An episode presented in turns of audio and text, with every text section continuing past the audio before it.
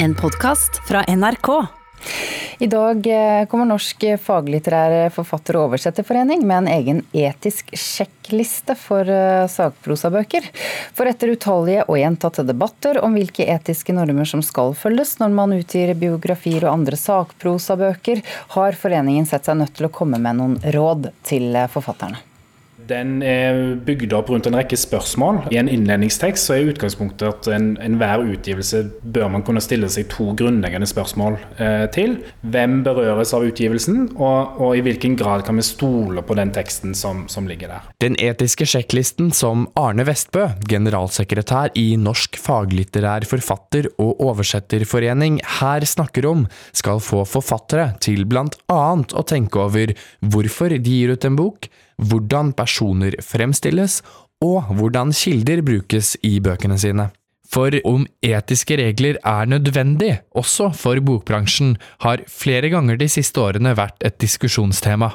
Blant annet møtte blogger og forfatter Anniken Jørgensen krass kritikk for omtale av andre personer i sin egen bok Bare en natt til i 2018. Eh, jeg vet jo veldig godt at jeg, at jeg, snakker om ekte personer, og det er jo også meningen i denne boken. Eh, og hvis man ikke skal skrive sant, hva skal man skrive da? Det her har aldri vært noe skjul på at dette skal være fiksjon, eller altså det her er jo en ekte sann bok. Diskusjonene rundt Jørgensens bok og andre bøker der tredjepersoner omtales, har blant annet ført til at NFFO valgte å starte arbeidet med den etiske sjekklisten. Jeg tenker at det er eh, sunn fornuft satt i system, og at det eh, kan være nyttig for oss å bruke den. Forlegger i Kagge forlag, Tuva Ørbekk Sørheim, mener sjekklisten kan være et positivt verktøy, så lenge man bruker det som nettopp en sjekkliste, og ikke som et regelverk også noen av punktene her tenker jeg at den blir vel detaljert og nesten litt sånn frøkenaktig. Nesten litt sånn øh, skolestil. Eksempel Hvilket inntrykk skaper form, ordvalg og innhold til sammen? Hvordan beskrives personene som omtales nøytralt, positivt, negativt? Dette høres litt ut som en, øh, en gymnasbesvarelse.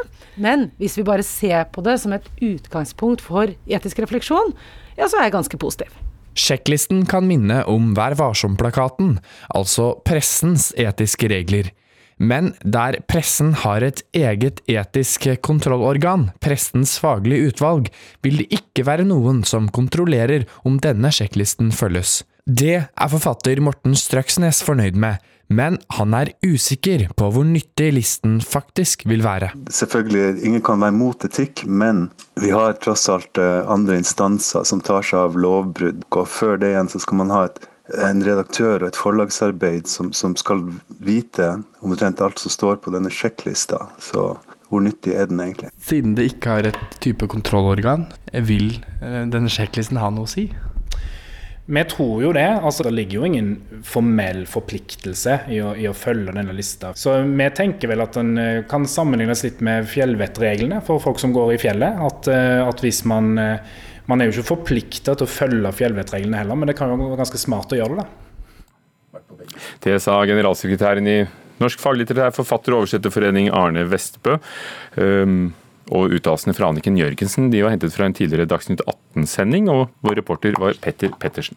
Jon Wessel Aas, advokat, du har jobbet mye med denne typen spørsmål og ytringsfrihet generelt. Vil du si at denne sjekklisten er et svar til dem som har etterlyst en slags Vær varsom-plakat for foreleggere? Ja, nå hørte vi jo at dette er jo, det er jo ikke det samme. For man har jo ikke noe selvdømmeordning, det er ikke noe klageorgan eller noe sånt. Eh, men eh, Eh, men sjekklisten i seg selv er vel et slags svar på noe av det folk har etterlyst i denne debatten. Eh, er det et svar som vil gjøre at vi unngår noen av de tilfellene vi hørte om, hvor folk har gått i en jurysøksmål fordi de mener seg hengt ut? Det har skjedd.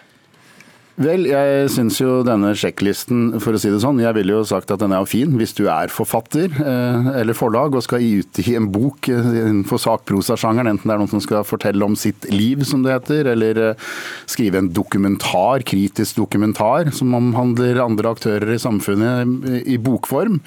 Da er det jo Jeg ville jo egentlig sagt at da burde man jo bare følge pressens Vær varsom-plakat. Den finnes jo der. Det, det, koster ikke noe å bruke den, selv om den ikke gjelder for deg.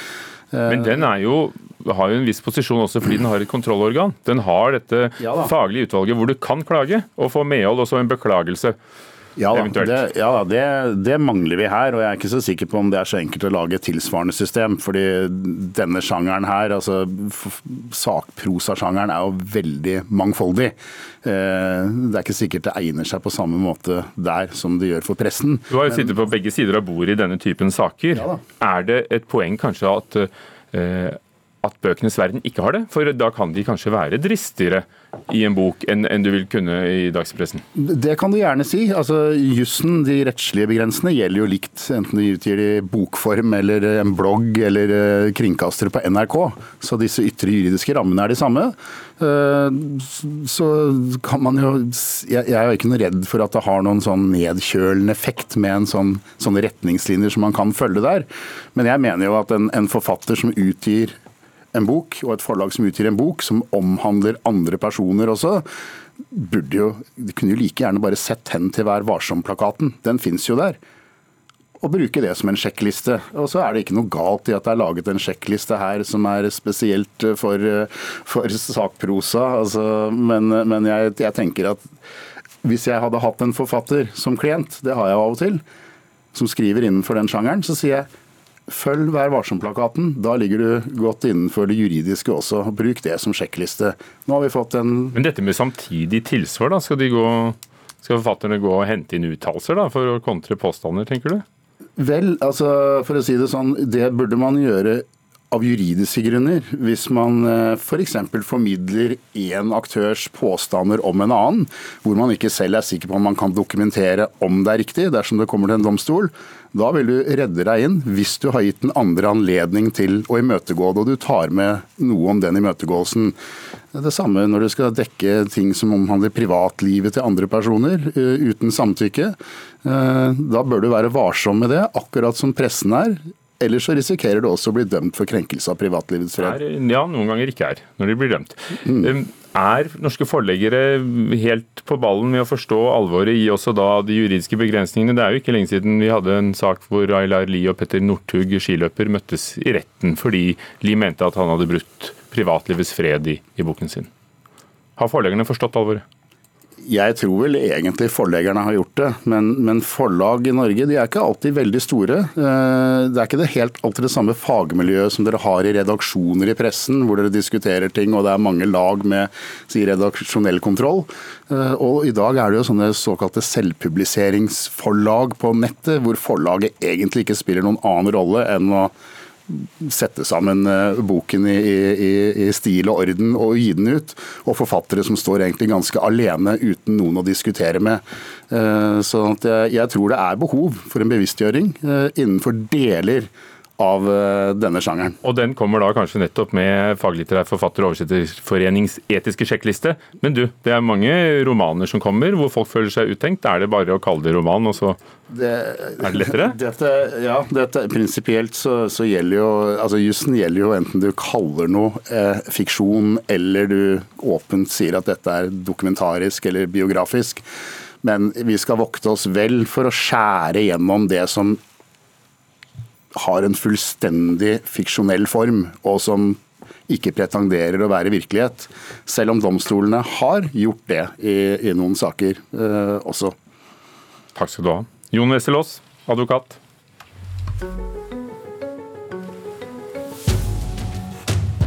Kommunesammenslåingen har jo skapt mye debatt eh, mange steder i landet, men det kan også komme kunst ut av det. I hvert fall tror du det ved et, eh, et galleri i Kristiansand. Um, Der eh, har de laget utstillingen 'Det forjettede land'. Og kunstkritiker her i NRK, Mona Palle Bjerke, kunst og kommunesammenslåing eh, er liksom ikke sånn helt naturlig å tenke. Nei, bare ordet kommune assosieres med noe veldig grått og prosaisk. Og kommunesammenslåing er jo et sånt urbyråkratisk eh, ord. Men hvis vi går litt bakenfor ordet, så handler det jo egentlig om tilhørighet, om identitet, om historie og kollektiv hukommelse. Og da er det jo egentlig tematikker som vi ofte finner i kunsten. Ja, så Hvordan nærmer kunstnerne seg denne tematikken i denne utstillingen, da? I Kristiansand kunsthall så er det veldig mange forskjellige, en håndfull kunstnere som nærmer seg dette på ulike måter. Og det første som møter oss er Jo Ravn Abuslands verk, der han er på jakt jakt etter Kristiansands sjel. Og den prøver han å finne gjennom treet. For treet finnes både i eh, det gamle byvåpenet, som først var det en gran, og så ble det en furu. Og så er, kobler han dette sammen med den såkalte byfurua. For helt siden 1600-tallet så har Kristiansand hatt en byfuru, som den gang i den sørlandske barokken var et samlingssted for folk. Og gjennom århundrene så vokste den seg stor og praktfull, men dessverre så brant den altså i 1884. Og så plantet man et nytt tre. Og det treet har ikke klart verken å få det utseendet eller den statusen som det gamle treet eh, hadde. Og Abusland han lager en installasjon da, både med røttene fra det gamle treet, en stol som er bygget av treverk fra det gamle treet, men også elementer da, som kobler seg opp mot det nye treet. Tekster og bilder eh, koblet opp mot dette byvåpenets uh, utvikling. Da. Og så har han jo også engasjert seg politisk ved å prøve å få den nye byfura anerkjent som nettopp en byfuru. Eh, men politikerne syns ikke den er verken vakker nok eller eh, viktig nok da, til å kunne ha denne posisjonen. Akkurat hva er det han prøver å si eh, om kommunesammenslåing da med disse trærne? Jeg tenker at Kanskje viser han hvor vanskelig det er å konstruere nye identitetsmarkører. da. Nettopp det at det er ikke bare å plante et nytt tre. Og et verk som tar opp nettopp det med at stedet det er et sted man kommer fra. Det er liksom nesten en del av seg selv. Det er Bodil Furu som har lagd en film. Hun er jo da ikke fra Agder selv, den eneste av kunstnerne som ikke er det. Så det er liksom et blikk fra utsiden. Og hun har da kjørt rundt i romjulen denne romjulen og fotografert skiltene, stedsnavnene, dvelt ved stedsnavnene som skal bort. Eh, liksom for å anerkjenne disse stedene, som Søgne og Sogndal, som skulle bli del av storkommunen Kristiansand f.eks. En slags sorgprosess? Ja, en sorgprosess rett og slett på veiene rundt i Agder.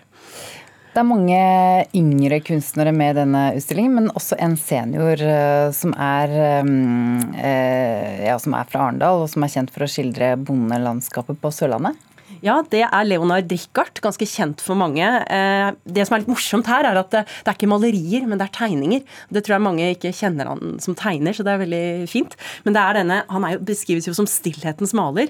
Og det er jo den nesten ubehagelig slitsomme, drepende kjedsomheten som man føler i bildene. Det er jo da ofte sånne en låve, kanskje en skurtresker ved siden av. Du opplever virkelig den nesten trykkende, klaustrofobiske følelsen av at intet skjer. Ja, Så har det blitt en vellykket utstilling, eh, kunst og kommunesammenslåing? Eh, ja, jeg syns det er veldig mye fint og spennende å se. og er, Når man først får fordypet seg i det, så er det veldig interessant. Men det er nok en utstilling som er litt lukket. Og jeg hadde følt meg veldig lost hvis ikke jeg hadde fått en grundig omvisning i utstillingen. Så jeg tror nok utstillingen kunne vunnet veldig på å åpnet mye mer opp mot publikum. Kanskje med mer veggtekster, kanskje enda tydeligere formidling, slik at verkene kom i tale med hverandre, og også at tematikken kom tydeligere frem i forhold til de forskjellige arbeidene. Klar beskjed til Kristiansand kunsthall, som altså stiller ut eh, utstillingen 'Det forjettede land'. Takk, Mona Pahl Bjerke. Den svenske forleggeren og forfatteren Gui Minhai har sittet fengslet i Kina i flere år. Han forsvant sporløst høsten 2015 fra Thailand, og nå, det kom i natt, er han dømt til ti års fengsel. Utenriksreporter Marte Halser, hvem er Gui Minhai? Han er en eh, svensk statsborger eh, med opphav fra Kina. Og i 2012 så starta han en bokhandel i Hongkong, der eh, de solgte bøker, kritiske og satiriske bøker om lederne i Kina, inkludert president Xi Jinping. Eh, og disse bøkene de eh, er forbudt i Kina. Og som du sa, i 2015 så var han på ferie i Thailand da han sporløst eh, forsvant. Omtrent på samme tid så forsvant òg fire av de som jobba med han på bokhandelen i Hongkong. Eh, og han var sporløst vekke i flere måneder før eh, det kom fram at han eh, var satt fengsla i Kina. Og Da dukka han opp på kinesisk TV og sa at han hadde vært involvert i ei trafikkulykke. Han hadde kjørt i hjel en syklist for mange år siden. Og Han sa at han frivillig hadde reist til Kina for å sone straffa der. Det her var det ikke noen av de som kjente han som hadde hørt noe om, så derfor var det mange som tenkte at dette her var en tilståelse som han var blitt tvinga til å komme med. Hva er han dømt for nå? Altså Kort tid etter at han eh, hadde sona denne dommen eh, i denne trafikkulykka, så ble han sett fri, men så ble han eh, arrestert på nytt og skylda for å ha avslørt kinesiske statshemmeligheter. Og Den dommen som kom nå, på ti år, den er for å ha gitt informasjon videre til utenlandske etterretning. Under rettssaka så sa han at han var skyldig, og at han ikke kommer til å anke dommen. Og Så kommer det òg meldinger om at han har bedt om å få kinesisk statsborgerskap statsborgerskap, men det er ikke kjent om han har sagt fra seg det svenske. Gui Minai er jo en kjent personlighet i Sverige, og ikke minst pga. alt det som har skjedd eh, eh, som du snakket om. Og dette er forsidestoff i alle svenske medier. Hvilke reaksjoner er kommet? Ja, er, denne saka har jo ført til mye eh, oppmerksomhet, og det har jo ført til et dårlig forhold mellom Kina og eh, Sverige. Og Regjeringa i Sverige har jo flere ganger kritisert Kina, og Kina har kritisert Sverige, og spesielt mediene i Sverige for måten de har omtalt denne saka på. Og for eh, Rett før jul så kom det jo fram at eh, den kinesiske ambassaden i Sverige har vært i kontakt med mediene for å få dem til å endre måten de skriver om om dette på. Og I november i fjor så fikk han tildelt en pris for ytringsfrihet. og Den ble delt ut av organisasjonen Svenske Penn. og Elisabeth Løvgren sier at hun var ganske overraska da hun hørte at han nå var blitt dømt. Vi har ikke fått vite noe om noen rettergangsprosess overhodet. Så det her kom som en total overraskning for meg. Og om Kina tror at vi kommer å slippe Wavy nå, så, så tror de helt feil. De kommer altså ikke til å akseptere denne dommen, og kommer til å fortsette å jobbe for at han skal bli sett fri. Og ifølge Sveriges, Sveriges Televisjon så kommer òg EU til å protestere mot dommen. Takk, utenriksreporter Marte Halser om svenske Gui Minai, som altså er dømt til ti års fengsel i Kina. Du har hørt en podkast fra NRK. Hør flere podkaster og din favorittkanal i appen NRK Radio.